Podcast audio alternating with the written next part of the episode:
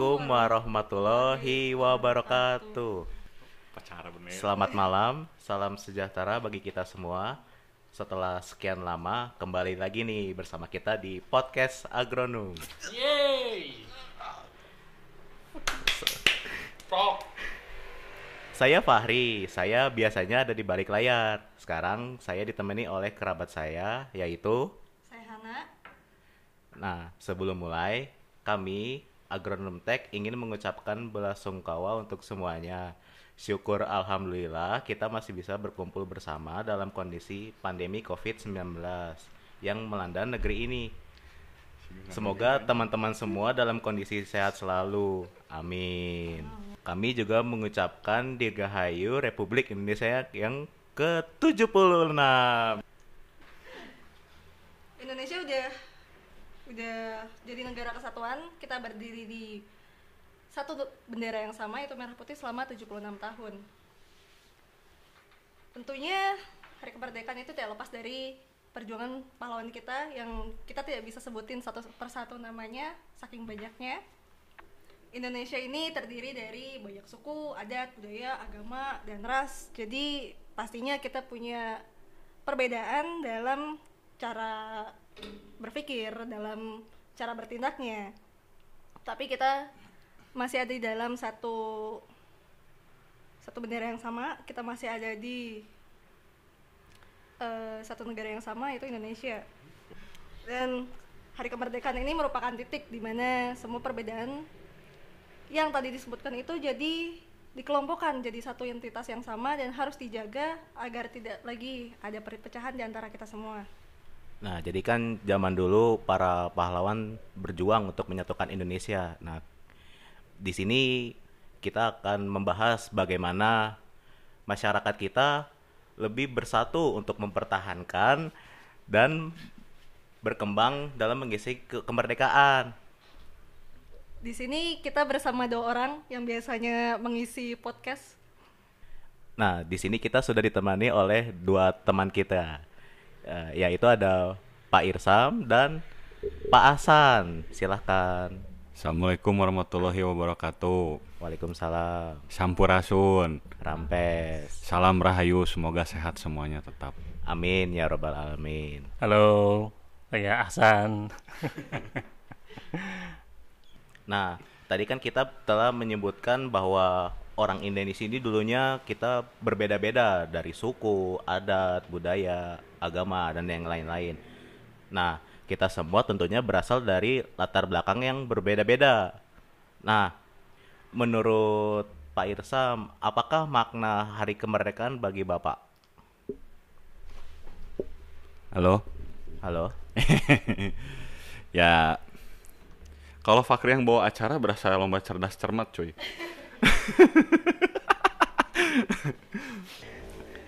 Pertanyaannya simpel san tapi kayaknya jawabnya berat, bingung eh. Jadi kalau yang saya tangkap secara pribadi ini tentunya pendapat pribadi boleh ada yang berbeda, mangga 17-an ini mungkin bisa dibilang adalah suatu event hari reminiscing ngerti nggak sih?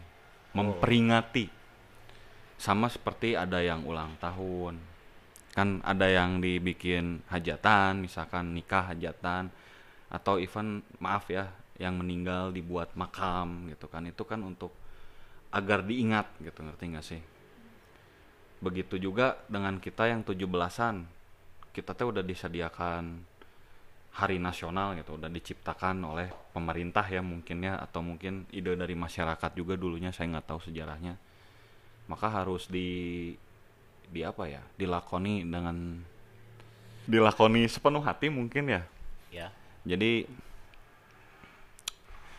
gimana memaknainya ya kita nggak bisa lah serta merta 17-an kita ngomong visi misi ke depannya bagaimana atau bagaimana lah. Ya kurang lebih kayak gitu.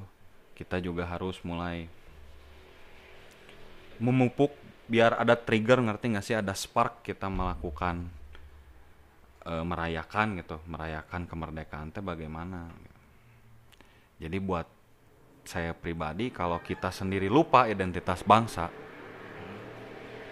kebangsaan kita gitu kita orang Indonesia atau mungkin suku yang berada di Indonesia itu sama aja dengan omong kosong kita masukin ide ya harusnya bangsa ini ke depannya begini begitu begini begitu. Banyak protes tapi kita lupa.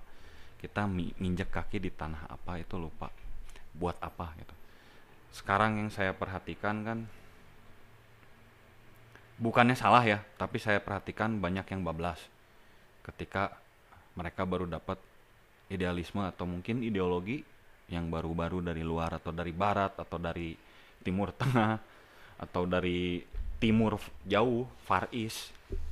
Tapi mereka lupa bahwa nggak semuanya bisa diimplementasi untuk kultural yang ada di Indonesia kultur yang ada di Indonesia bukan nggak boleh masuk. Jelas kita kalau mau berkembang harus open minded kita harus menerima ide-ide baru masuk. Tapi ada batasan ada tatanan ada etika di negeri kita. Nah, kalau misalkan kayak di mix dari budaya budaya Indonesia nih misalkan kita sudah ada dari dulu misalkan dari zaman Majapahit agak agama kita seperti apa eh, cara cara-cara kehidupan kita lah bagaimana gitu. Nah, untuk di mix ini dengan eh, budaya negara lain itu sebenarnya sah-sah saja atau kita malah membuat suatu aturan yang aneh dari mix itu. Hmm, Oke. Ya menurut saya gini aja deh, misalkan. Bukannya tidak boleh seperti yang tadi dibilangkan. Silahkan, ada Oh, input oke. dari mana-mana itu harus. Cuman yang jadi masalah itu bablasnya. Ngerti nggak sih? Oke. Apakah pantas norma A di Indonesia tidak pantas? Misalkan, ya kenapa mesti di eh, apa? Harus diikutin oh kok konservatif sih Eh, bukan konservatif gitu Eh, yang namanya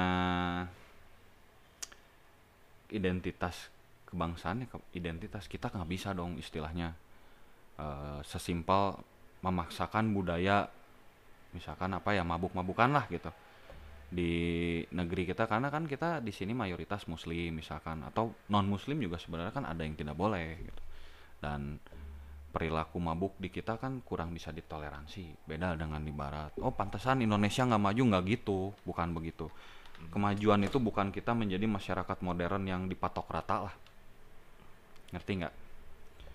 Eh, ya kemarin sempat ngobrol lah sama orang-orang gitu kayak ada yang bilang literally katanya sebelum Eropa masuk ke Indonesia orang Indonesia tuh kerjaannya cuman urusannya mah comberan doang ada kan? Nah, itu gitu. ada sih. ada. Ada. nggak gitu. Hmm. kalau misalkan dari hal sesimpel itu eh kita harus banyak-banyak riset deh gitu. Misalkan adalah salah satu channel YouTube namanya Weird History gitu ya yang ini nge-refer aja. Mereka ngebahas gitu masalah hygiene di zaman medieval Eropa kayak gimana atau misalkan eh, kehidupan masyarakat Eropa di tahun abad 18, 17 atau 19 itu seperti apa? Menurut saya pribadi kalau kita ngelihat Indonesia jauh lebih bersih misalkan gitu. Jauh lebih teratur dalam masalah kesehatan dan sebagainya. Mungkin kalau masalah political science mungkin masih kurang atau misalkan Oh, Oke. kalau kita ngomong military science ataupun kekuatan militer ya mungkin jauh Indonesia tertinggal secara teknologi Iya, betul. tapi kan balik lagi pemaknaan ini kita harus jangan lupa sama identitas bangsa. Pak Krim misalkan orang mana orang Jawa ya. Ada yang salahkah dari tatanan Jawa? Nggak ada. Ada yang mungkin adalah beberapa ajaran yang memang kontra, tapi itu biasanya kontranya sama agama lagi kan. Menurut saya pribadi tatanan ajaran itu nggak ada yang negatif. Kita sekarang mandi, mandi diajarin berapa kali? Dua kali sehari. Sikat gigi, Iya. Terus istilahnya sampai perkakas-perkakas saja harus dimandiin kan kalau orang Jawa orang Sunda tuh ya. Nah, itu. Nah. Apakah ada yang salah? Enggak kan. Enggak ada yang salah dari itu. Adalah hal-hal yang bagus justru itu. Manusia mandi biar bagus, biar rapih, biar wangi istilahnya ya. Iya. Kalau orang luar negeri kalau lu nonton Weird History tadi even kayak bebersih sikat gigi itu harus diajarin dulu cuy dikasih pamflet propagandanya dulu waktu zaman perang dunia kedua Oh, Di kita enggak, mungkin kita masih pakai apa namanya? tradisional pakai siwak kayak orang Arab kan karena Iya. dulu Islam masuk duluan daripada eh lebih bukan masuk duluan, lebih nerap di kita daripada yang barat misalkan sikat gigi yang gitu-gitu. ya. Tapi kan sudah ada budaya membersih-bersih gitu. Terus alat-alat perkakas dibersihin kan biar nggak karat, misalkan biar wangi atau gimana. Iya. Nggak ada salahnya gitu. Ngerti nggak sih biar tetap bagus.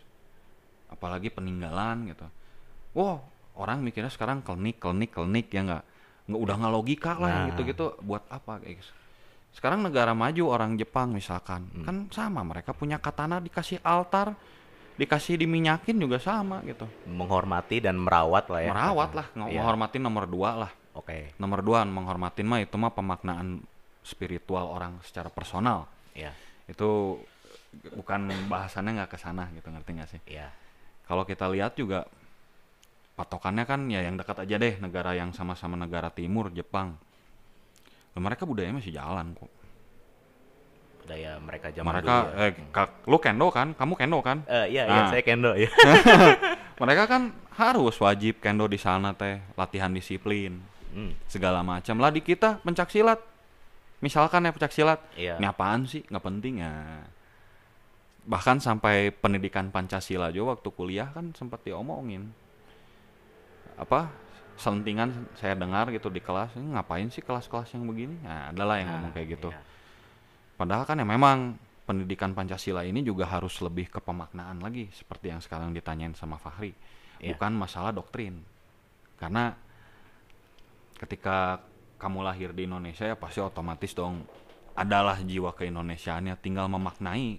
Kalau doktrin itu kadang terkesannya terpaksa kalau memaknai dengan sendirinya dari hati gitu ngerti nggak sih Tidak ada unsur paksaan lah ya pokoknya. Ya. Jadi balik lagi kita ke konteks awal bahwa 17-an itu kita harus bisa memaknai sebagai bangsa Indonesia sebagai orang yang lahir di dalam satu pulau, satu suku, s- suatu sorry, suatu pulau, suatu suku yang ada di dalam regional Indonesia dan di bawah bendera Indonesia gitu. Ngerti nggak? Oke. Kalau kita cuman ngomongin apa ya istilahnya? Eh, kesenangan kita hidup di negeri ini let's say ekonomi secara segala itu memang udah udah jelas lah itu harus tapi gimana sih biar itu bisa kebuild kan harus satu cinta bangsa Ya. dan nggak lupa sama jangan krisis identitas kita orang Indonesia kayak orang Jepang misalkan Wah, itu Ya. marak sekali itu. nggak masalah cinta pop culture itu nggak masalah cuman ketika sampai lupa budaya sendiri apalagi ketika lu cinta pop culture tapi lu menghina orang yang sedang eh, atau mungkin nggak menghina lah jarang kalau menghina mendiskreditkan orang-orang yang terjun di budayanya sendiri ya tahu diri dong Ya. ngerti nggak sih nah ya segitu aja sih jadi disimpulin aja lah ya ya. lu nggak bisa eh, menjual sesuatu, memaknai sesuatu, memiliki sense of belonging pada sesuatu ketika lu nggak tahu sesuatu itu apa dan lu nggak merasa jadi bagian sesuatu itu nggak bisa. Cukup, Asan, cukup mungkin berat sekali ya bahasannya. ya. ya, ya sebenarnya anda yang bikin pertanyaannya berat. Saya sampai alu-alu dulu tadi bingung. nah, bagaimana nih Pak Hasan? Sepakat. Sepakat. Pertanyaannya tolong bisa diulang Pak Fakri. Maaf. Nah, jadi kita semua nih berasal da- dari latar belakang yang berbeda-beda, Ya. dari ras, suku dan lain-lain. Nah, menurut Pak Hasan, apakah makna Hari Ke- Kemerdekaan bagi Pak Hasan? Ya, balik lagi. Merdeka, merdeka. Kata merdeka itu berarti terbebas dari sesuatu. Dan politik ya, hati-hati. terbebas eh, terbebas dari suatu kekangan ya kalau kita membahas 76 tahun yang lalu berarti terbebas dari kekangan eh, kekuasaan eksternal kekuasaan ideologi yang meng apa menyerang mendekati kayak gitu. Sampai akhirnya saking banyaknya ideologi apa namanya percampuran ideologi pencampuran dengan eh, identitas bangsa akhirnya kan muncul tuh yang namanya Pancasila yang menjadi dasar negara kita gitu kan Nah, makna kalau kita di, di- dari dari dulu nih dari 76 tahun kita tarik set ke zaman sekarang. Maknanya apa sih? Karena kan eh, kondisinya sudah sangat berbeda ya ketika eh, dulu kita harus benar-benar terjun ke lapangan untuk istilahnya eh, tusuk-tusukan, tembak-tembakan, hajar-hajaran, kejar-kejaran gitu kan ya. Berbeda sekarang kondisinya yang di mana musuh nggak nggak lagi dilawan dengan cara seperti itu. Iya gitu. Terima kasih Pak Irsa. Actionnya beda lah. Dalam artian eh, musuh sekarang istilahnya kalau kita bicara eh, apa namanya analoginya musuh ketika 76 tahun yang lalu dengan yang sekarang musuh itu sangat berbeda gitu. Nah, apakah eh, yang bisa dilakukan untuk kita secara pribadi kita lah kita. Seminimalnya adalah dengan mempelajari lah. Apa itu? sejarah. Walaupun memang sudah ya sudah ditanamkan oleh oleh guru-guru kita ketika zaman sekolah. Kurang sih. Eh, kewa- itu kewajiban guru tersebut lah istilahnya meng- memberikan pendidikan sejarah tapi balik lagi kan eh, ke kitanya gitu. Apakah benar-benar memaknai dan meng- mengetahui meng- sekedar mengetahui atau sekedar apa namanya sampai memaknai suatu sejarah ini itu sangat berbeda. Berbeda dalam artian tiap orang berbeda eh, ininya cara cara melihat sejarah itu kan. Ya masing-masing dari kita lah anak-anak muda zaman zaman sekarang generasi X, Y, Z atau boomer itu kan boomer kon konotasinya negatif nggak sih? Sebenarnya enggak. Enggak ya? Karena meme-meme itu Iya, jadi oke. negatif. Ya memaknai eh, untuk masing-masing generasi ini harus memaknai eh, dengan cara yang eh, yang indah dalam artian ketika misalnya seseorang sudah sudah berpenghasilan gitu. Seminimalnya dia berkontribusi lah terhadap terhadap negara gitu. Karena memang kan dia sudah bebas bebas melakukan apa pun dalam artian bebas berkreasi sudah di sudah difasilitasi negara kan. Bebas bebas mencari mencari istilah mencari usaha, bebas berkumpul dan bermusyawarah, itu sudah difasilitasi oleh negara yang yang artinya kita harus berkontribusi tergantung dari apa yang kita lakukan saat ini ya let's say aktivitas kita saat ini gitu. Minimal seminimalnya kita membayar inilah membayar pajak dengan dengan dengan rutin. Terus misalnya apalagi nih vaksin ya kan? Seperti itulah. Nurut lah nurut. Karena karena tujuannya tujuannya baik juga kan untuk mencapai eh, sebenarnya nggak nggak di nggak disebutin langsung tapi kalau saya lihat ini pemerintah menggalakkan vaksin saat ini itu untuk eh, mencapai herd immunity kan ya. Supaya orang-orang eh, imun terhadap si penyakit ini supaya ya jadi penyakit biasa gitu tidak perlu dikhawatirkan. Nah, kalau dari tadi pernyataan Pak Hasan kan bilang kita ini harus berkontribusi ya, betul ya? betul betul. Nah, kontribusinya ini tadi bisa dari membayar pajak atau berkreasi dari pekerjaan kita atau mungkin hobi kita. betul betul. Nah, terkadang kan eh, ini mungkin agak out of topic dikit ya. Jadi kadang orang-orang itu tujuannya cuan. Jadi dari situ agak kurang mendalami masalah saya harus berkontribusi untuk negara atau eh, ingin memajukan negara kita gitu. Nah, kalau menurut Pak Hasan, bagaimana eh, agar selain eh, orang-orang tersebut berkontribusi untuk negara hanya untuk tujuannya dia, dia. Eh, bagaimana caranya agar mereka eh, termotivasi barangkali eh, ya Ter- termotivasi eh, untuk mencintai negaranya gitu. ya ya harus yang yang perlu dipahami sih eh, sebenarnya fas eh, berusaha ya maksudnya eh, tadi dalam konteks si orangnya cuan ya ya bisnis Eh, lah bisnis apa pun atau gimana? apa pun mau cuan atau memang kesenangan sendiri Hmm. hobi gitu Egois lah. egois ya oke istra- oke Tujuannya egois. Mm-mm. Eh, balik lagi sih eh, kebebasan yang diberikan oleh negara ini sudah sangat besar apalagi dengan ideologi kita gitu ya di mana semuanya silahkan lakukan tapi bertanggung jawab kesadaran masing-masing gitu Nah, itu Eh, yang susahnya. Iya betul Eh, pemerintah udah udah ngasih identitas kebangsaan belonging sama gimana?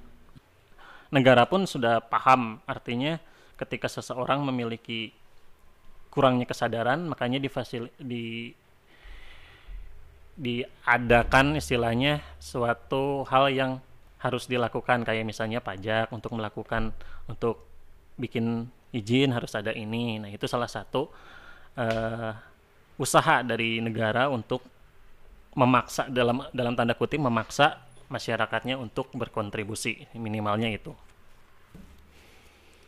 Lebih dari itu bisalah berkontribusi lebih dalam artian memberikan gagasannya melalui jalur politik misalnya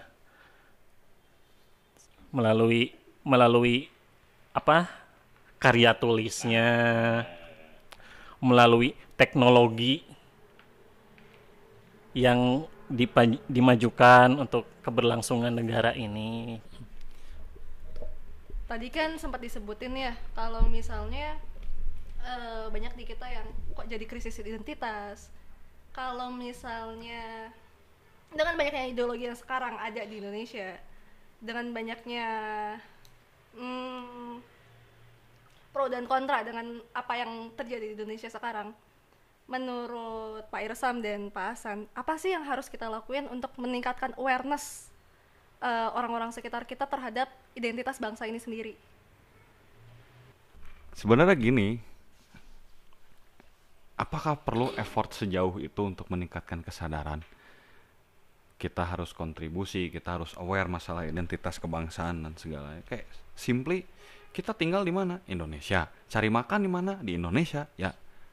Kalau kita orang yang punya rasa malu dan punya tahu diri gitu, ya pasti otomatis kita sadar ini teh lahan kita. Ya kita harus berkontribusi dong. Ngerti nggak sih? Eh, tapi kan banyak yang jadinya ah Indonesia mah gini-gini aja ah ya Indonesia makanya mah." kalau kita ngelihat situasi sekarang memang seperti itu kenyataannya nah kalau kita tahu tatanan nah anjay. Bahasa baru. Bukan masalahnya masuk. Ada apa namanya? Eh ini bukan negatif atau bukan pasrah ya tapi menerima keadaan. Memang ke- begitu kenyataannya. Ketika kita menerima kenyataan bagaimana kita memitigasinya? Jangan cuman bisa protes. Kalau misalkan dirasa masih udah bingung gitu. Gimana ya saya juga bingung gitu. Memitigasi problem-problem itu ya sebenarnya sesimpel kalian jualan gorengan itu udah membantu perekonomian roda ekonomi Indonesia berputar. Atau kalian cuma bisa ngeluh dan protes sama pemerintah. Kalau misalkan dirasa kalian punya masukan-masukan untuk pemerintah jangan cuma bisa keluar-keluar doang. Dipelajarin itu protes kalian gimana banyak jalur kita masih input ke pemerintah seperti yang Asan omongin tadi. Karya tulis atau kalian bikin forum karena kita dibebaskan kan untuk berkumpul. Berkumpul bukan berkerumun maksudnya ya.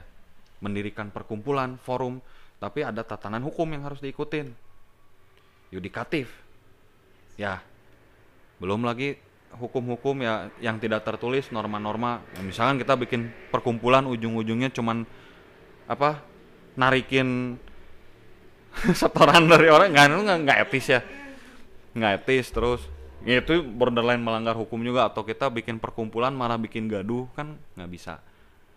Kayak kemarin tuh ada yang masalah protes melalui mural kan. Ya mungkin saya nggak tahu nggak begitu tahu lah soal hukum-hukumnya segala macam. Dan background si orang itu ngebikin mural mungkin itu caranya nggak salah. Cuman pasti ada yang dilanggar atau gimana. Atau mungkin ada yang tidak ingin untuk ya gitulah itu, itu jauh lah. Itu masalah malas lah ngomongnya juga. Nah itu kan sebenarnya boleh melalui mural tapi alangkah baiknya misalkan dalam misalkan dalam apa ya buku portofolio yang memang di post dijual atau gimana biar bisa orang lain menikmati nggak sembarangan naro. Karya seni itu nggak harus dibungkam nggak tapi medianya banyak. Kenapa mesti mural? Kenapa nggak bikin lukisan? Bikin lukisan misalkan atau misalkan bikin buku isinya lukisan. Soal protes-protes kebangsaan atau gimana. Terus kalian dipaksa si artis itu dipaksa mikir cari sponsor. Ngerti nggak? Cari sponsor cari apa namanya background backing untuk nge-publish itu kan bukan cuman protes dap tapi yang keluar kan dia juga ngerti cara gimana biar karyanya dihargai orang Nah. bisa dilihat orang banyak gitu Tadi kan sempat disebutin salah satu aware cara bikin orang aware adalah mempu- mempublikasikan sesuatu. Eh, sebenarnya kan tidak semua orang bisa yang namanya melakukan sesuatu yang bisa dipublikasi untuk masyarakat eh, banyak untuk dinikma- dinikmati banyak orang. Kira-kira ada cara lain nggak sih selain itu? Untuk Sebenarnya- orang-orang yang sebenarnya, duh harus dipublikasiin ya. Aduh, saya nggak nggak harus bisa." publikasi jadi misalkan mau tepat sasaran ke pemerintah gitu kan private bisa kalau lu bikin surat ke pemerintah juga presiden bisa kan cuma nggak tahu dibaca enggaknya nah kan Iya. makanya tadi salah satu caranya atau misalkan keterbatasan literasi.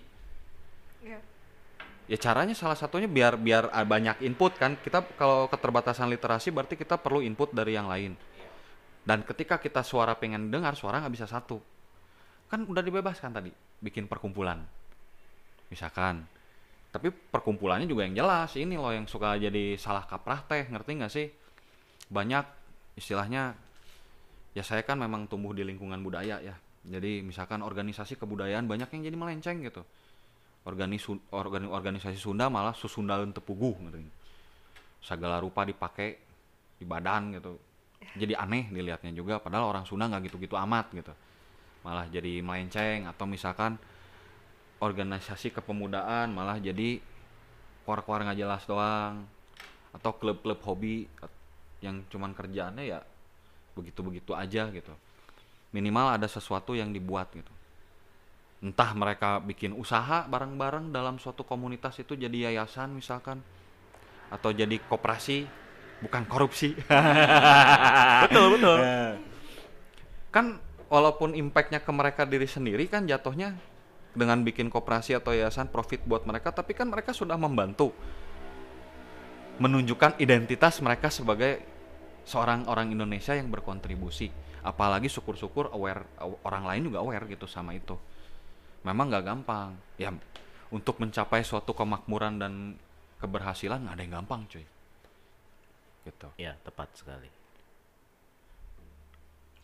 ini si Asan mau ngomong katanya Nah, apa namanya tadi eh, bagaimana sih untuk meningkatin aware gitu kan? Ya salah sat- salah salah banyaknya udah di dijelaskan.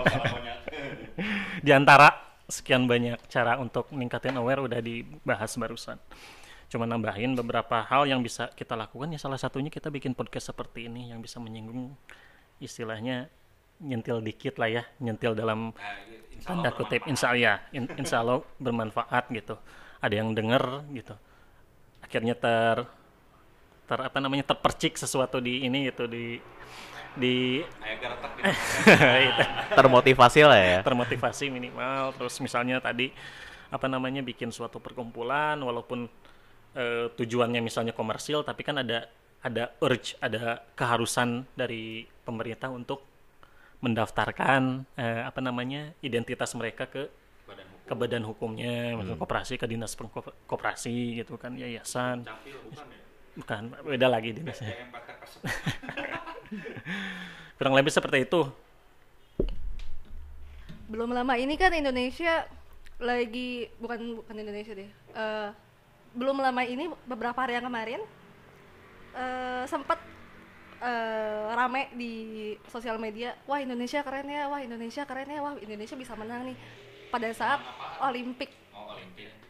Dari situ kan sebenarnya mulai banyak orang yang kayak oh ya Indonesia keren nih. Sebenarnya yang seperti itu bisa nggak sih buat ningkatin identitas bangsa atau hanya hype sesaat aja kalau misalnya menurut kalian?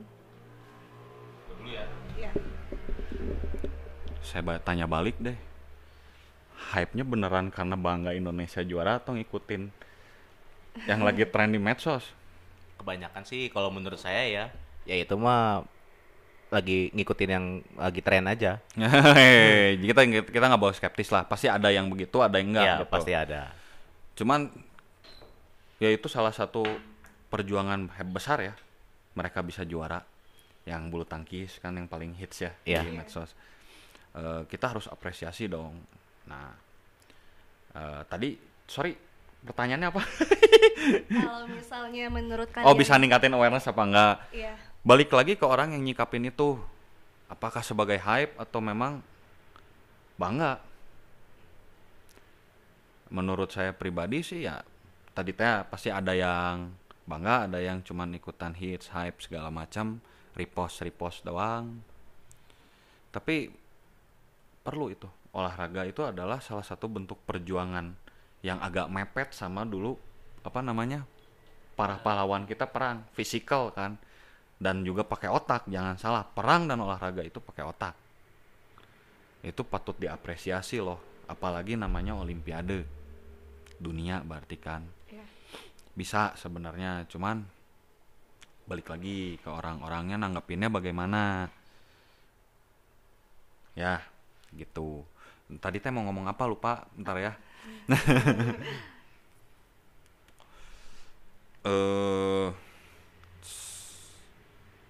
sebelum ke sana kita kita apa jauh-jauh itu itu kan salah satu fasilitas ya. Iya. salah satu jalan kita merasa bangga itu adalah difasilitasi oleh para atlet kita yang berjuang untuk eh kita juara nih bangga. Tapi kan banyak hal-hal lain yang sebenarnya bisa untuk memotivasi. Let's say lagu nasional kita deh Indonesia Raya tanah airku segala macam pernah nggak sih kalian mikir ketika kalian dengerin lagu itu sedih pengen nangis Jujur enggak sih?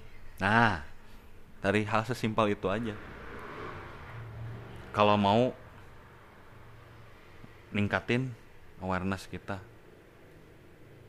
Waktu Indonesia Raya di upacara tuh cukup menggetarkan hati sih Eh, sebenarnya. siap. Gitu aja sih paling Asan mau nambahin. prestasi yang membanggakan ini yang eh, cuman jadi lahan lahan ini lahan Politik. politik eh, untuk istilahnya untuk ya, eh, apa eh, minimalnya kayak gini ada orang gitu. Eh, gambar gambar si pemenang di belakang terus kita tambahin gambar kita yang lebih besar gitu. Mengucapkan selamat kepada nah, kayak gitulah. Contoh contohnya jangan kayak gitu ya. Aja mumpung jangan, jangan sampai hanya enggak yang bukan bukan nggak boleh cuman Seimbang lah. seimbang ya betul. Seimbang antara eh, membranding diri dengan kontribusi yang yang benar-benar berdampak gitu terhadap terhadap ya minimalnya terhadap eh, si pemenang ini gitu. Ya mas maksimalnya ya langsung ke negara gitu ininya kontribusinya. Nambahin lah nambahin. Sebenarnya ketika momen kemenangan Indonesia medali emas kemarin atau medali lain-lainnya itu kan kemenangan juga ya. Event yang nggak dapat medali juga itu suatu prestasi cuy bisa pergi ke sana itu bukan cuman tamparan buat masyarakat agar lebih bangga sama Indonesia enggak. Buat pemerintah juga. Jadi ini atlet potensi ya tolong dong gitu. Difasilitasi. Ngerti nggak bibit-bibit barunya mulai dipilihin lagi karena namanya umur kan pasti lama-lama atlet jadi tua nggak bisa main atau gimana. Mulai digercep lagi jangan cuman olahraga yang piduiten gitu yang percuanan buat apa kenyataannya kita buat minton kan legendaris dari dulu itu ada lagi Oke, eh, kalau gitu kita lanjut ke pertanyaan kedua. Ini mungkin agak ringan ya pertanyaannya. Leh. Jadi bagaimana sih selebrasi hari kemer- kemerdekaan yang lebih nasionalis. Yang kita tahu orang-orang mengharapkan 17-an itu cuman hari libur atau lomba, dapat door prize dan lain-lain gitu. Kira-kira bagaimana yang selebrasi yang lebih nasionalis gitu. Yang lebih praktikal mungkin maksudnya ya. Iya, betul. Yang jelas gitu kita teh merayakan kemerdekaan. Iya. Sebenarnya nggak ada yang salah dengan apa perlombaan, selebrasi upacara. Itu salah satu jalan sebenarnya untuk memotivasi orang untuk eh, lebih meningkatkan rasa kebangsaannya. Cuman kalau yang itu kan balik lagi ke masing-masing. Kalau Iya. misalkan masalah praktikal, ini nggak bisa cuman kita masyarakat aja, pemerintah juga harus ada effort. Eh, seperti pendidikan yang tadi kita mulai harus mulai transisi lah pendidikan yang berhubungan dengan kebangsaan misalkan Pancasila terus kewarganegaraan atau bahkan sejarah itu jangan isinya jangan doktrin gitu Hmm. biarin baik buruk suatu sejarah itu bukan hak kita untuk merubah generasi sekarang Iya. maksudnya merubah yang udah lama itu jadi pelajaran buat kita gitu. atau bahkan yang bagus-bagus jangan ditutupin hanya untuk ngedongkrak satu sejarah aja jangan buka aja semua nggak masalah kan banyak nih sekarang lagi tren masalah bansos dihubung-hubungkan dengan dulu sebenarnya masyarakat Indonesia itu dapat jatah dari Dendels. Ya Nah, saya nggak tahu. Tapi kalau kita dengar cerita-cerita orang tua zaman dulu kan pasti yang bagus-bagusnya. Ya itu yang bagus aja jadi apa jadi acuan Jadi yang jelek-jeleknya jadi pelajaran gitu. Hmm. pasti memang ada lah pasti yang korupsi. Cuman kalau kita ngomong masalah historis kan gimana sih situasinya zaman dulu? Apakah benar itu jatah untuk masyarakat atau yang Iya. itu keprabon buat para para pemimpin daerah? Kita nggak tahu. Dan kulturnya beda dengan sekarang yang negaranya demokrasi. Nggak bisa pemerintah kayak begitu. Kalau zaman dulu haknya seperti itu. Istilahnya lu punya kuda punya ternak kuda. Gua gua misalkan gua bangsawan ya. Nah, ngelewat gua ke kandang kuda lu gua bilang gua gua gua bupati lah gitu ya. Ya, ya. Eh, eh itu kuda bagus gua ambil bisa nggak Oh. nggak ada yang salah normanya kalau zaman dulu. Kalau sekarang kan nggak. Iya. jadi bukan berarti hal seperti itu adalah negatif di zaman dulu. Sekarang mungkin iya kesemena-menaan. Ini juga faktor pendidikan loh yang agak misconception menurut gua. Ketika eh, sejarah barat masuk di Indonesia kan memang banyak kesemena-menaan di negara barat ketika zaman yang seperti itu. Tapi kan di kita belum tentu seperti itu. Hmm. ya nggak di kita nggak ada yang namanya slavery. Di betul. kita nggak ada yang namanya kolonialisme. Mereka sibuk di daerahnya masing-masing. Adalah pasti perang itu ada. Kita ambil sejarah misalkan Banten waktu nyerang Pajajaran. Apakah Banten menduduki wilayah Pajajaran? Tidak. Kurang lebih seperti itulah ya. Jadi belum tentu kalau kita nangkepnya norma yang zaman dulu pakai sekarang pasti banyak nggak enaknya tapi bukan hak kita untuk merubah.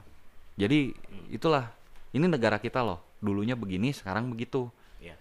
Itu harus belak-belakan open. Agar kita teh punya rasa pertama cinta sama negara. Karena cinta sama negara, wah yang jelek-jelek jangan diulangin lagi gitu. Jadi nggak bisa dari masyarakat aja, pemerintah juga harus ada. Itu itu dari pendidikan, banyak lagi dari hal-hal lain. Ya mungkin ini susah juga.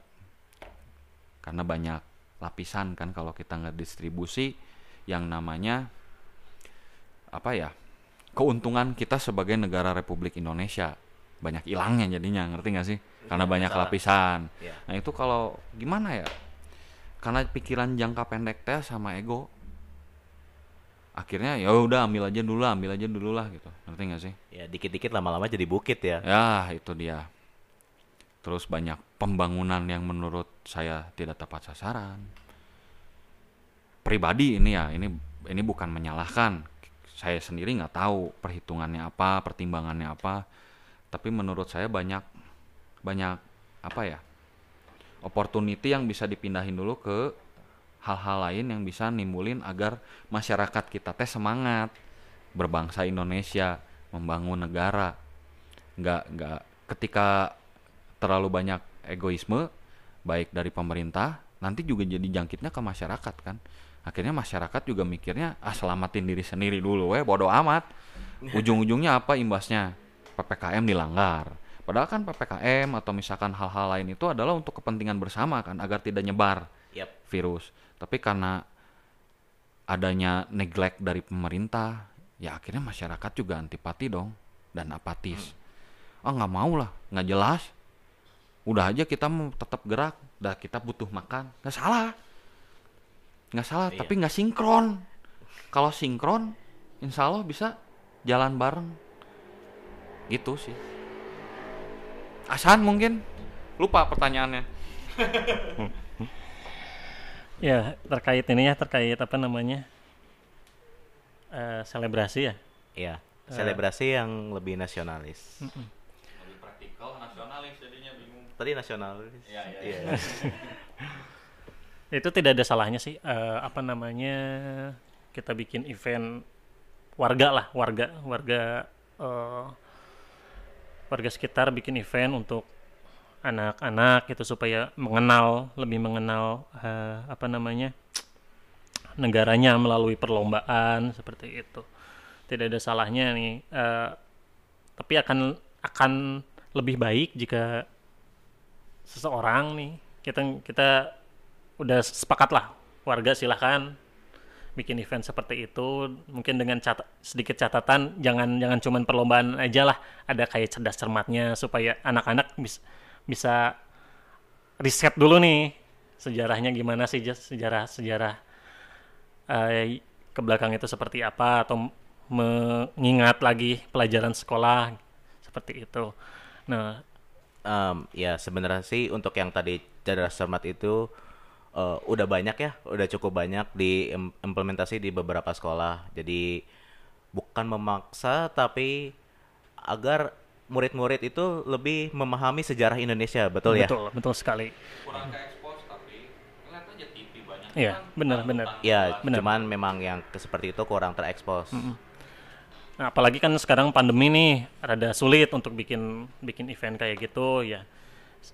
Ya insya Allah buat ke depannya Amin. atau minimalnya ya ini anak-anak Karang Taruna atau gimana gitu bikin bikin sesuatu yang lebih lebih maju lah gitu. Kalau misalkan untuk di bidang misalnya di bidang kreatif gitu bikin aransemen lagu lagu nasional atau misalkan bikin musik video yang yang bikin ningkatin ningkatin jiwa nasionalisme. Biar ini apa namanya 17 ini eh, viral gitu di di internet supaya orang-orang aware gitu. Ya mungkin asal lebih praktikal. Tadi gue fundamentalnya. Fundamental. Iya. saling melengkapi lah kita Ya, oke. Balalala Tadi kan sempat disebutinnya beberapa kali. Eh, kalau misalnya pada saat 17-an ini tolong diingat lagi yang namanya sejarahnya. Tapi sebenarnya sekarang juga udah banyak orang yang 17-an ini ya udah lomba aja. Sejarahnya belakangan. Bahkan ada yang kalau misalnya kita nanyain anak kecil juga sekarang 17-an itu apa? Waktunya lomba. Yang di mana sebenarnya orang-orang mulai antipati sama yang namanya sejarah eh kayak kalau misalnya kita masuk sekolah anak-anak sekolah tuh aku nggak bisa sejarah ya udah aku nggak akan ngambil kelas sejarah. Aku nggak bisa sejarah kenapa sih harus ada sejarah? Yang di mana mereka udah nggak mau tahu lagi sama sejarah negaranya sendiri itu kayak gimana. Eh menurut bapak-bapak sekalian gimana sih caranya supaya orang tuh mau lagi yang namanya baca sejarah yang namanya mau cari tahu lebih lanjut soal negaranya sendiri yang namanya kita ini nggak boleh lupa sama sejarah loh. Eh wah berat eh sebenarnya sejarah bukan bidang saya tapi ya udahlah ya. Ini pendapat pribadi. Eh memang negara kita ini bukan negara lah masyarakatnya ya. Tar ada suara motor. Eh Rex King Eh, apa namanya memang kita teh masyarakat yang agak aduh kalau ngelihat sesuatu literasi yang terlalu kompleks itu mager jadinya.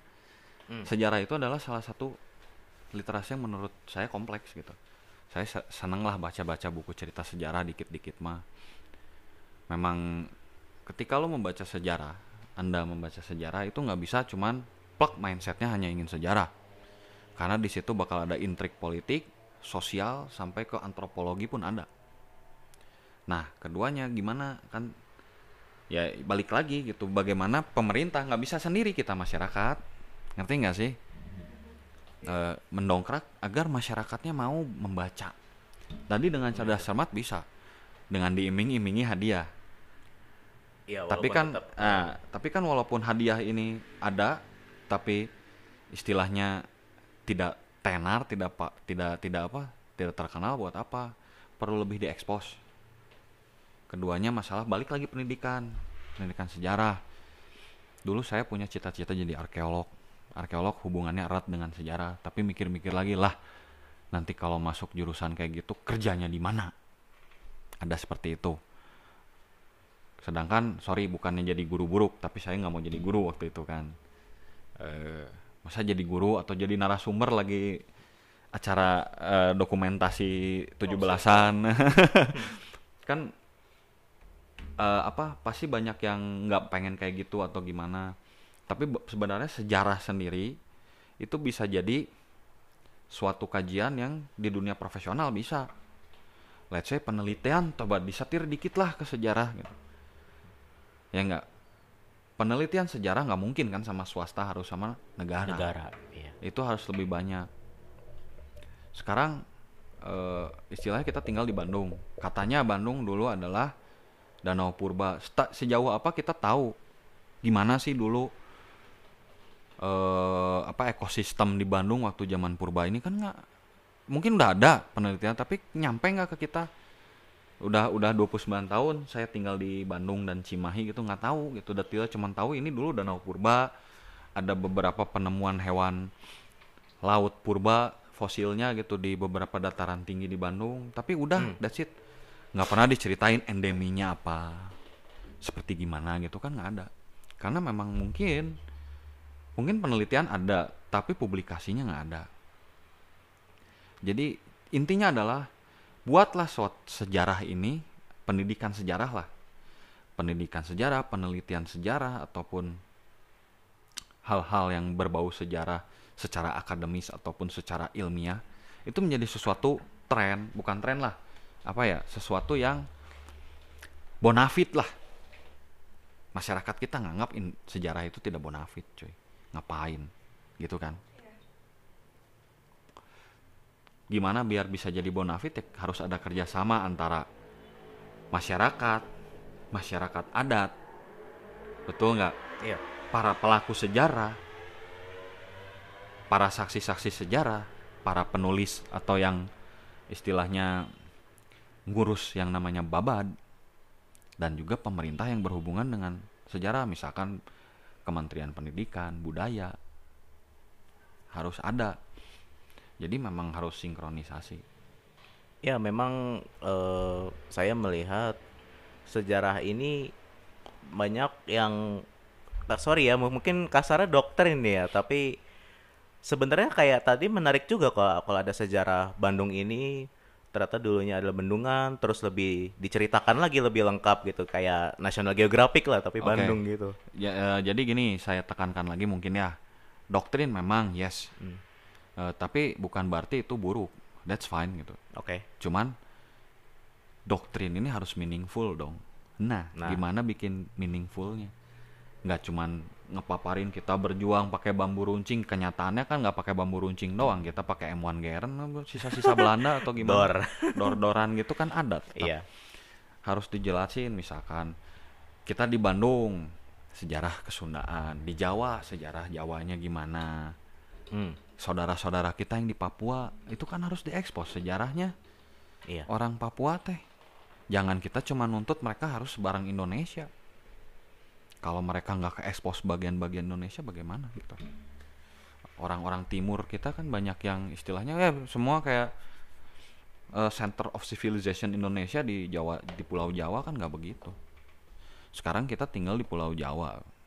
Budaya Sunda juga nggak terlalu ke ekspos malah belakangan ini meme orang Sunda banyak kan ya nggak masalah sih memang orang Sunda lucu-lucu cuman kan banyak hal lain di situ Iya. sejarah Sumatera gimana tar kita juga nggak tahu kan kalau Indonesia tuh pernah kena yang namanya flu Span- Spanish flu ya Ya, flu Spanyol. Nah, it- karena nggak di Jawa pertamanya, di Sumatera. Sumatera. Itu kan perlu kita nge-unity suatu eh, apa? Suatu perbedaan di dalam satu bendera, ya kita nggak bisa ngebahas sejarah bendera itu aja atau salah satu sejarah yang signi, sejarah yang signifikan. Sense of belonging itu muncul ketika ada pengakuan Ya, ya. dari masing-masing daerah. Kalau kita cuman menjunjung tinggi sejarah satu bendera, Hmm. itu yang muncul ya yang orang-orang yang memang dekat dengan bendera itu saudara kita yang di timur kan agak jauh Iya, memang. gitu. Hasan mungkin capek. Bagaimana Kak Pak Hasan?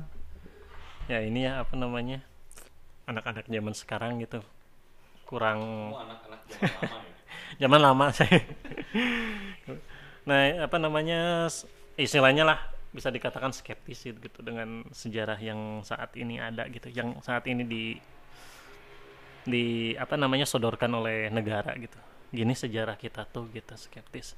Ya sebenarnya sih eh tanggung jawab kalau masih anak-anak berarti tanggung jawab orang tuanya su- supaya gimana nih si anak ini dikontrol apa namanya keinginan sorry pemikirannya terhadap sejarah seperti apa. Ulah bubulean Mm-mm. Indonesia cing benteng. itu eh.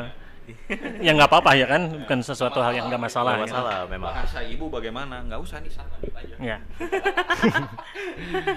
nah, se- sebenarnya sih sepertinya ini salah satu usaha pemerintah juga untuk apa namanya untuk ningkatin apa namanya level kebangsaan di dalam diri anak muda saat ini gitu ya. Kayak misalnya tes wawasan kebangsaan yang bagi bagi eh, bagi ASN gitu ya. Calon calon CASN gitu. Eh, tapi saya nggak tahu sih, nggak tahu sejauh sedalam apa gitu si TWK ini. Cuman itu mungkin salah satu hal yang diusahakan oleh negara untuk meningkatin kebangsaan.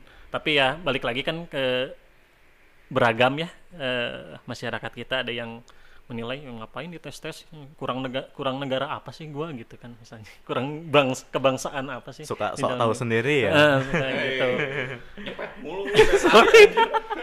ya kebanyakan tapi tapi ya Iya. silakan. ya bisa bisa menilai sendiri sebenarnya kita nah apa sih yang selain itu gitu selain apa namanya selain dari pemerintah ya mungkin kalau apa dari pemerintah kurang ya seminimalnya ya kita lah dari lingkungan sendiri gitu mau belajar heeh.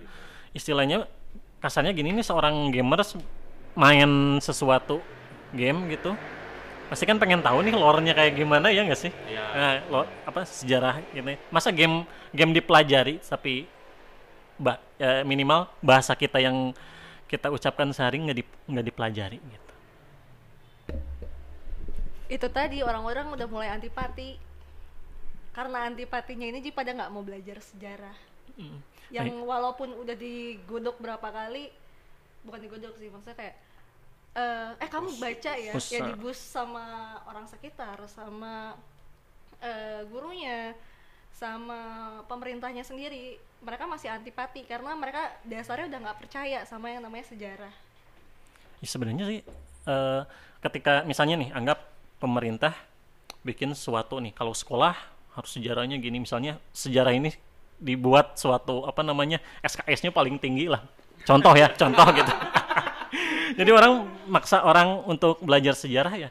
Tapi agak irrelevan sih. ya eh, tapi kan tetap aja bakal bakal di belakangnya bakal ada eh, apa istilahnya perdebatan sangat sangat besar gitu ya. Minimalnya minimalnya untuk untuk inilah untuk kebutuhan kita hidup di Indonesia gitu. Minimalnya ya terima aja dulu gitu. Ya, terkait kesadaran masing Eh, terkait terkait benar atau enggaknya ya silahkan di, disimpan di dalam diri. Jangan sampai pengetahuan yang kita punya nih misalnya benarnya kayak gini loh terkait ini teh terkait peristiwa A benarnya kayak gini terkait peristiwa B eh, benarnya kayak gini. Nah alangkah alangkah lebih baik itu tidak didoktrinkan ke temen gitu. Maksudnya nggak nggak apa you take yuk yuk nggak gitu maksudnya dibahas dibikin bikin forum terbuka gitu misalnya mungkin adalah eh, apa namanya orang perkumpulan yang tertarik akan sejarah gitu kan lebih Ya, balik lebih lagi, enak sih publikasi. publik ya benar itu publikasi sih Ya jadi balik lagi sih sebenarnya memang harus ada dua peran kan. Masyarakat sendiri kudu mau lah minimal mah coba dulu deh gitu. Dari pemerintah juga jangan membuat sejarah itu jadi sesuatu hal yang nggak penting. Contohnya tadi dengan lapangan-lapangan kerja dan istilahnya bikin sejarah itu jadi bonafit gitu. Nggak cuman penelitian-penelitian ya bukan nggak penting ya. Ya. Teknologi penting keilmuan yang berhubungan dengan sains itu penting, tapi kan harus balance dengan sosial. Ya, ya, Sekarang purpose-nya apa? Banyak orang pintar di kita yang istilahnya ilmuwan tapi cabutnya ke luar negeri. Banyak dicari di sana ya. Banyak banyak banyaknya enggak, mereka juga maunya ke sana. Oh, Pertama di di di sini kurang dihargain. iya bisa jadi. Kedua, memang mungkin kecintaannya juga kurang karena ya itu TA. Ya, Ah, sebenarnya kita hubungannya memang erat sama sejarah dan budaya di Indonesia ini. Cuman memang makin ke sini makin terkikis. Sesuatu yang kuno itu gampang hilang di Indonesia. Padahal belum tentu sesuatu yang kuno itu buruk. Tapi padahal kalau ditelusuri lagi menarik ya, asik gitu. Dulu tuh belajar sejarah sebenarnya saya cukup antusias sih sebenarnya. Tapi ya memang kalau udah urusan tanggal udah beda. Udah susah ngapalinnya. ya kan? Sebenarnya itu itu yang bikin orang ini menarik sih. Jadi orang teh malas ngapalin kan. Nah, Ih, kudu ngapalkeun tanggal gitu hoream euy. Kenapa mesti tanggal yang ditekankan, bukan eventnya? Peristiwanya yang ditekankan, makna dari peristiwa itu. Ini yang dekat aja sekarang ya. Eh, masalah yang saya tahu aja ya sejarah di sini ya. Iya. Pangeran Cornell. Kan jadi perdebatan itu teh. Bukan salaman sama Dendas itu. Dendas mah udah pulang katanya. Ke apa? Ke, ke Belanda eh, ya, ya udah gitu tapi kan inti dari cerita itu adalah perlawanan masyarakat Jawa Barat kan Ya, kenapa nggak ditekankannya itu.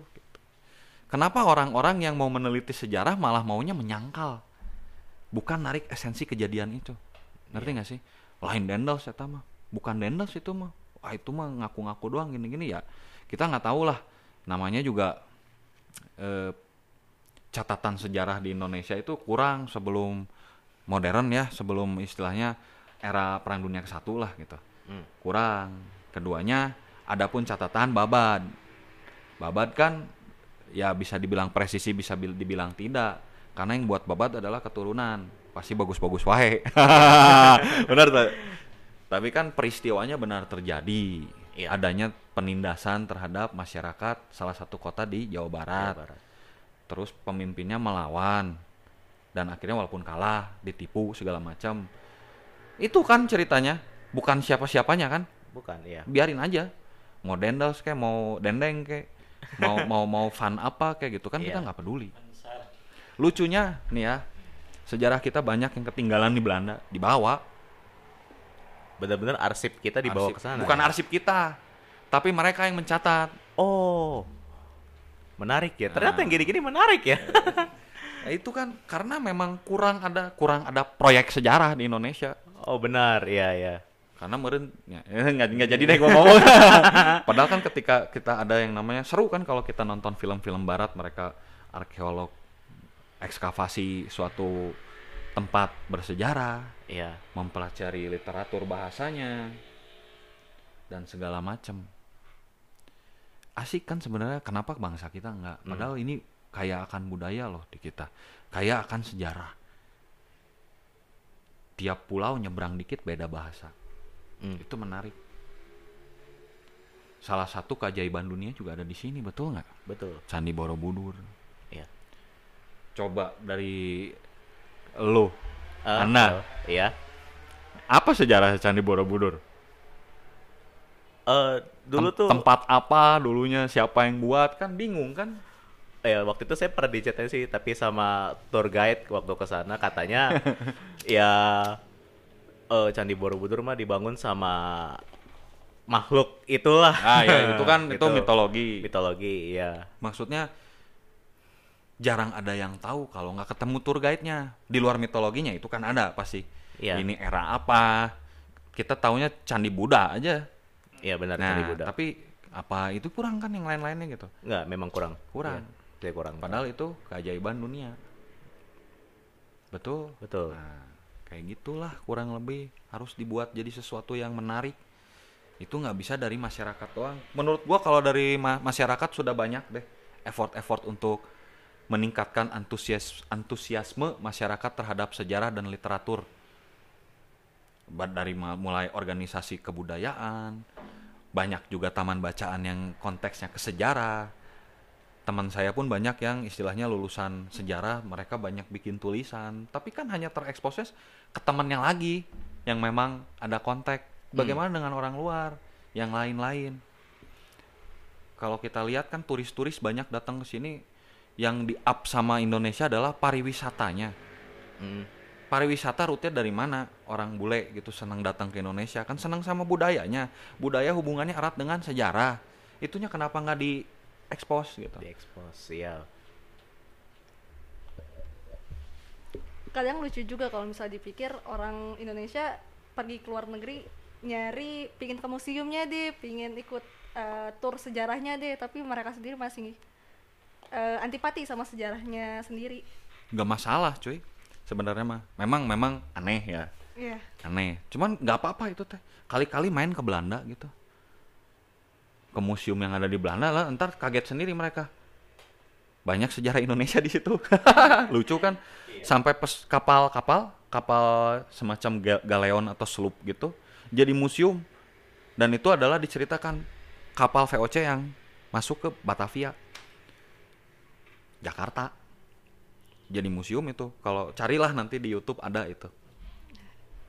Jadi memang kayak kita ngelihat kayak tadi negara Belanda pun antusias ya dengan kehidupan di Indonesia ini ya dari ya sebenarnya sejarah mereka. Ya, tapi mereka nggak mau serta merta hanya menceritakan mereka aja.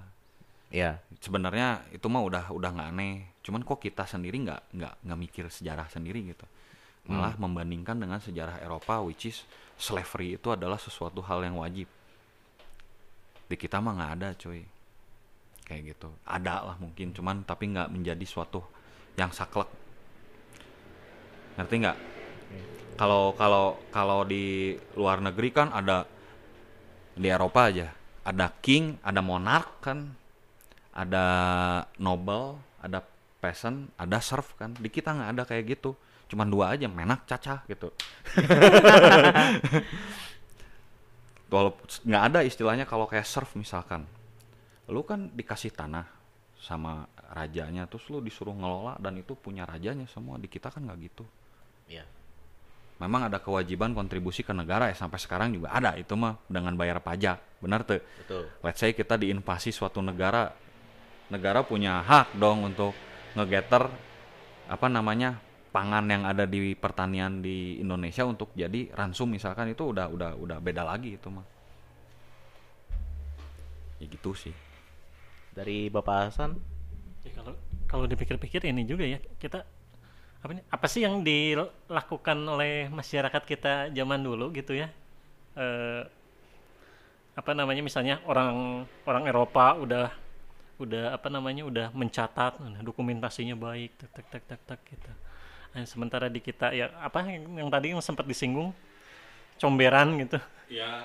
Masih ngurusin comberan gitu ya mungkin itu balik lagi ke apa ya ke skeptis kayak Indonesia sendiri Eh, untuk yang sekarang ya. Kalau zaman dulu mungkin mereka lebih ke apa ya kayak misalnya ini deh pe- pengembangan ah masyarakat zaman dulu mungkin lebih melihatnya spiritual lebih penting. Makanya eh, apa namanya? Kemudian eh, nah akhirnya kayak tools-tools semacam itu mungkin agak ketinggalan pengembangannya. Jadi ada ada ketika ketika maju ke zaman berikutnya itu ada ada upgrade-nya yang ini gitulah. Kalau kalau game RTS mah gitu istilahnya. ini mungkin Oke. eh, masyarakat kita zaman dulu lebih ke spiritual tinggi. Akhirnya ketika butuh suatu apa namanya dokumentasi ter, ter apa namanya terhalang oleh perang misalnya suatu kerajaan dulu akhirnya dokumentasinya hilang walaupun sedikit udah mas sedikit hilang gitu kan Emang zaman dulu pendidikan nulis menulis kan hanya ada apa istilahnya orang-orang biasa teh kurang. Jadi Hmm. catatan teh hanya ada di kerajaan gitu. Hmm. Tinggal si which is ya pasti ada propaganda dong yang namanya babat mah gitu. Nah, Ya. itu. belum lagi kan memang media tulisannya kan daun lontar paling ya kayak kertas gitu medianya eh, dari Tiongkok terus misalnya ya minimal kain dari ya, ya pokoknya media-media penulisan itu emang di, di kita kurang gitu Ap- paling prestasi ya Eh ngomong-ngomong prasasti ada cerita ini. coba Jadi eh, prasasti ini ada salah satu prasasti eh eh, ini saya sudah menyaksikan sendiri bendanya gitu, udah pernah lihat juga di Galuh. Pras, prasasti peninggalan Galuh. Ya. Sampai sekarang nggak ke dekripsi itu tulisannya apa. Karena Nah, kurang i- i- dipelajarin kurang ya. kurangnya ada ke sana gitu, ngerti nggak sih? Sampai eh lucu sekarang kan kemarin terakhir-terakhir sejarah kita tuh sempat digonjang-ganjing oleh salah satu pihak kan. Masalah Sriwijaya, masalah Galuh, katanya fiktif segala macam lah. Karena kurangnya penelitian sejarah, jadi catatan kerajaan-kerajaan tua seperti itu hanya ada di orang luar. Hmm. Jadi dipelintir untuk naikin naikin view ya. Jadi lucu gitu, ngerti nggak sih? Ya balik lagi lah. Tadi teh susah memang. Simpelnya gini deh. Kenapa orang-orang ki- ki- kita bilangnya penjajah lah ya. Orang-orang yang dulu kolonialisme ke Indonesia sampai mencatat segala-galanya yang berhubungan bukan nyatet-nyatet kayak apa ya istilahnya kayak endemi binatang gitu kita dicatat bukan seperti itu. Sampai tata cara hidupnya segala macam berarti ada sesuatu yang menarik dan dipelajari sama mereka dari kita. Kenapa kita enggak? Malah kita mempelajari mereka nggak masalah tapi yang buruknya terus disamaratakan. Padahal kulturnya sudah berbeda gitu. Jauh. ngerti nggak Iya.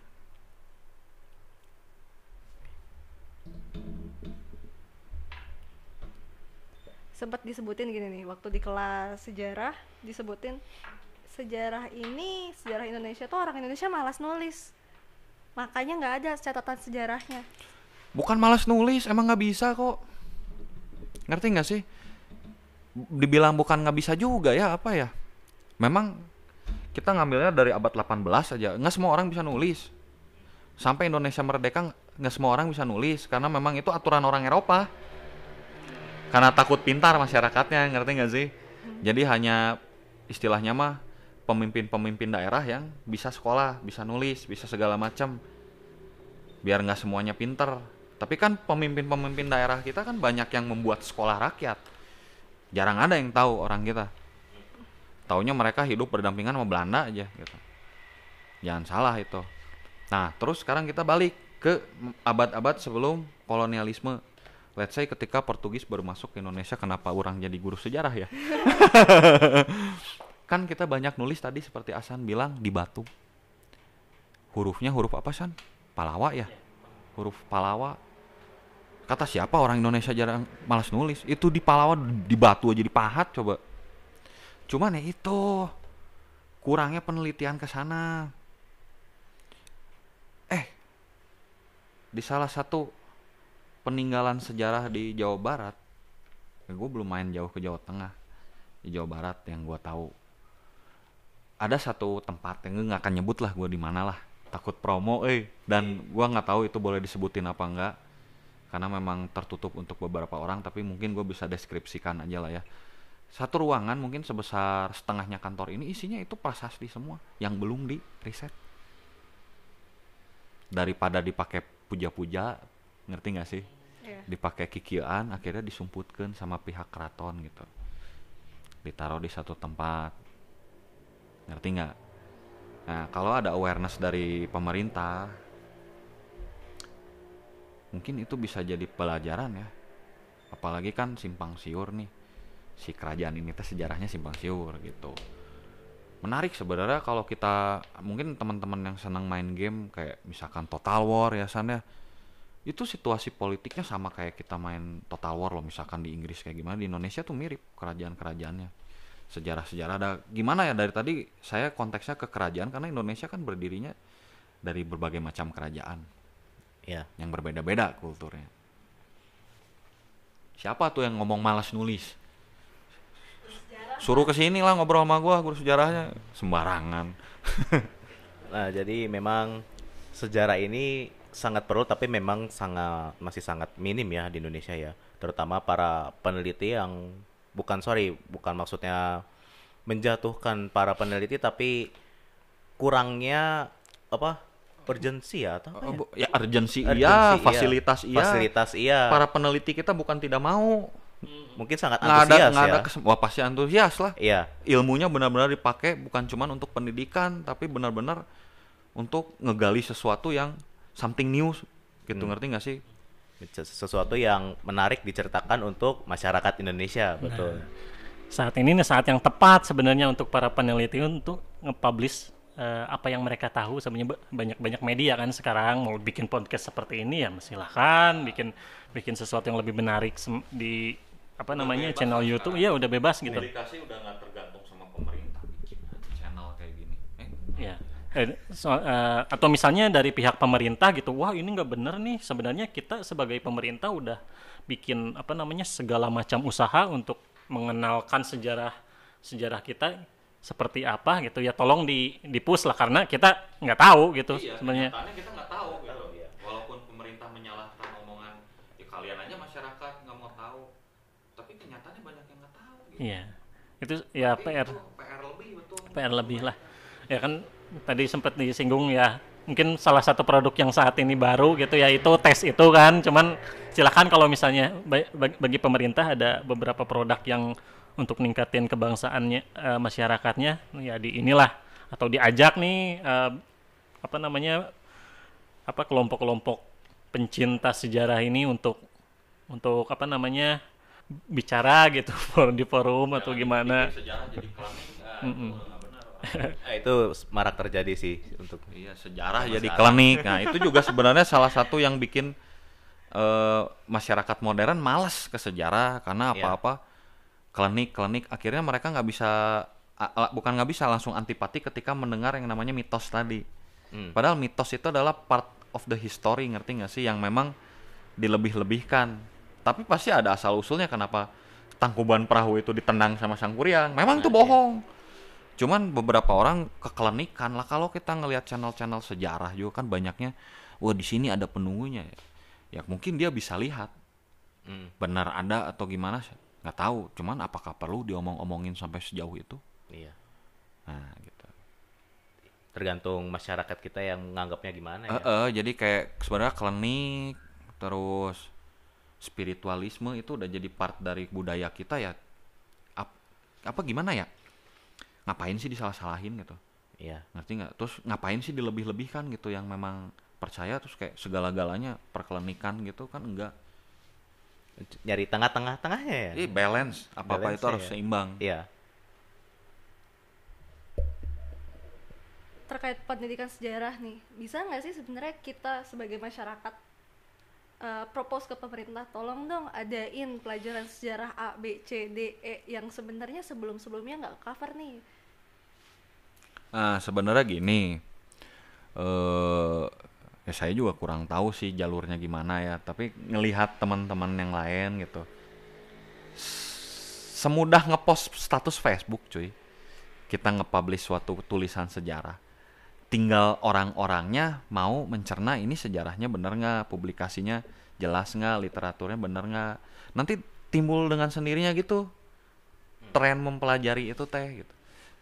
Tapi gimana pun juga seperti apa seperti halnya konten YouTube kan nggak bisa ngegolak aja di viral di masyarakat. Apalagi ini bukan masalah konten YouTube aja gitu ngerti nggak sih? Berkaitan dengan kebangsaan tadi Iya. berkaitan dengan memaknai kita sebagai seorang Indonesia atau salah satu suku yang ada di Indonesia itu kan tetap pemerintah teh kudu boga tanggung jawab ke sana gitu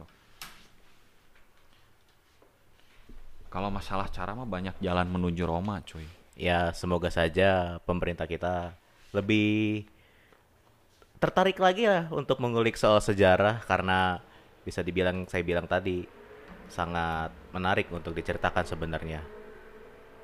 Oke.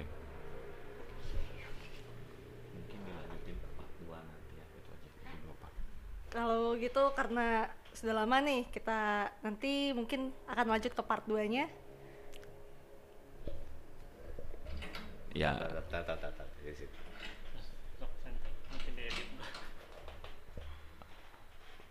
Wah, jadi eh, pembahasan tadi cukup menarik ya. Jadi kita mungkin karena kita cukup lama ya. nah, Bisa eh, kalau ngebahas kayak gini bisa semalam suntuk sih. Iya. Nah, eh untuk itu ki- eh, nanti kita lanjutkan di part 2 ya. Ada be- eh, beberapa pembahasan terkait spoiler lah. Iya. nanti ada deh pokoknya gitu. Ya, sekian dari kami ya. Eh, saya Fahri dan Hana izin mundur diri. Mohon maaf jika ada kesalahan pada kata-kata kami atau ada kata-kata yang menyinggung yang mendengar. Terima kasih sudah mendengarkan. Selamat malam. Assalamualaikum warahmatullahi wabarakatuh.